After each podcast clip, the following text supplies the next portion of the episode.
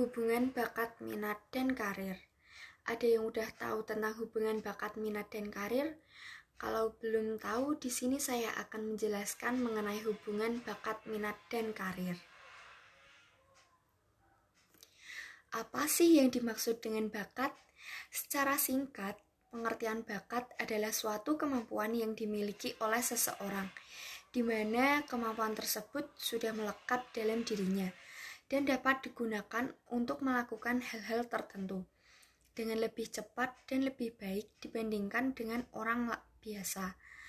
Pendapat lain mengatakan, pengertian bakat adalah kemampuan yang ada di dalam diri seseorang sejak lahir, di mana kemampuan tersebut dapat digunakan untuk mempelajari sesuatu dengan cepat dan dengan hasil yang baik. Pengertian bakat menurut para ahli. 1.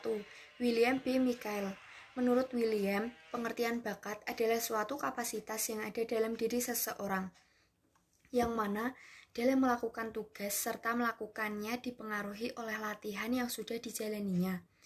2. SC Utami Munandar Menurut Utami, bakat adalah sebuah kemampuan bawaan dari seseorang yang mana sebagai potensi yang masih perlu untuk dikembangkan lebih lanjut dan dilatih agar dapat di mencapai impian yang ingin diwujudkan. 3. Kartini Kartono Menurut Kartini, pengertian bakat adalah hal yang mencakup segala faktor yang ada di dalam diri individu yang dimiliki sejak awal pertama kehidupannya dan kemudian menumbuhkan perkembangan keahlian, keterampilan, dan kecakapan tertentu. Bakat ini sifatnya laten potensial, sehingga masih bisa tumbuh dan berkembang. Jenis-jenis bakat. Bakat umum. Bakat umum merupakan kemampuan yang berupa potensi dasar yang bersifat umum. Artinya setiap orang memilikinya. Bakat khusus merupakan kemampuan yang berupa potensi khusus. Artinya tidak semua orang memilikinya.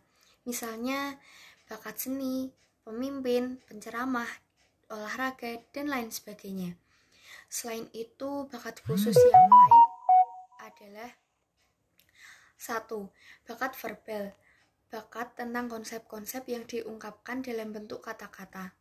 Dua, bakat numerikal, bakat tentang konsep-konsep dalam bentuk angka. Tiga, bakat skolastik, kombinasi kata-kata atau logika dan angka-angka. Kemampuan dalam penalaran, mengurutkan, berpikir dalam pola sebab akibat, menciptakan hipotesis, mencari keteraturan konseptual atau pola numerik, padangan hidupnya umum bersifat rasional. Ini merupakan kecerdasan para ilmuwan, akuntan, dan pemrogram komputer. Contohnya seperti Newton, Einstein, dan lain sebagainya. Yang keempat, bakat abstrak. Bakat yang bukan kata maupun angka, tetapi berbentuk pola, rancangan, diagram, ukuran-ukuran, bentuk-bentuk dan posisi-posisinya. 5. Bakat mekanik. Bakat tentang prinsip-prinsip umum IPA, tata kerja mesin, perkakas, dan alat-alat lainnya. Yang keenam, bakat relasi ruang atau spasial. Bakat untuk mengamati, menceritakan pola dua dimensi atau berpikir dalam tiga dimensi.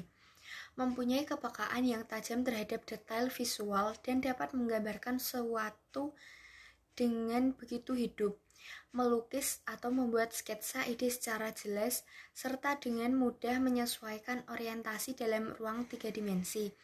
Ini merupakan kecerdasan para arsitek, fotografer, artis, pilot, dan insinyur mesin. Contohnya seperti Thomas Edison, Pablo Picasso, Ansel Adams, dan lain sebagainya. Yang ketujuh, bakat kecepatan, ketelitian, klerikal, bakat tentang tugas tulis menulis, ramu meramu, untuk laboratorium, kantor, dan lain-lainnya. Yang kedelapan, bakat bahasa atau linguistik, bakat tentang penelaran analitis bahasa atau ahli sastra, misalnya untuk jurnalistik, stenografi, penyiaran, editing, hukum, pramuniaga, dan lain-lainnya. Pengertian minat Minat ialah suatu proses pengembangan dalam mencampurkan seluruh kemampuan yang ada untuk mengarahkan individu kepada suatu kegiatan yang diminatinya. Jenis-jenis minat. Pertama, minat vokasional merujuk pada bagian pada bidang-bidang pekerjaan. Minat profesional minat keilmuan, seni, kesejahteraan sosial. Minat komersial, minat pada pekerjaan dunia usaha, jual beli, periklanan, akuntansi, kesekretariatan, dan lain-lain. Minat kegiatan fisik, mekanik, kegiatan luar, dan lain-lain. Minat avokasional, yaitu minat untuk memperoleh kepuasan atau hobi, misalnya petualangan, hiburan, apresiasi, ketelitian, dan lain-lain. Pengertian potensi, kemampuan yang mempunyai kemungkinan untuk dikembangkan. Selanjutnya, pengertian kemampuan, kecakapan yang diperoleh dari latihan-latihan.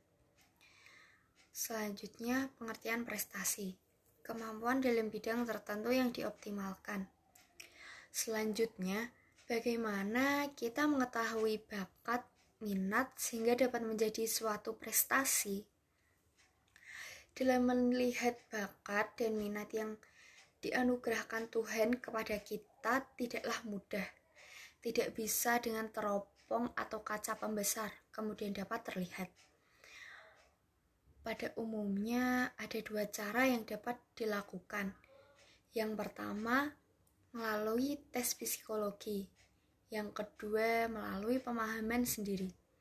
Pemahaman diri adalah suatu proses memahami diri sendiri tentang kelebihan dan kekurangan yang dimiliki. Biasanya yang kita pahami dulu adalah minat. Kita punya kecenderungan atau rasa suka kepada bidang apa, tentang apa, dan melakukannya bagaimana. Setelah diketahui, dicoba, dan dilatih, terus berulang-ulang dengan kesabaran dan ketekunan hingga hasilnya kelihatan. Kalau kita berbakat dalam bidang itu, kita akan merasa senang dalam mengerjakannya dan akan dengan cepat bisa menguasai dibanding dengan orang yang tidak memiliki bakat dalam hal tersebut. Menjaga menjajaki bakat memerlukan waktu dan proses yang cukup lama. Semakin sering dilatih, bakat akan lebih cepat tampak bakat akan tampak melalui beberapa tahapan. Mula-mula berupa potensi, kalau hal ini terus dilatih, terus dan mendapat dukungan dari lingkungan, maka akan muncul menjadi kemampuan.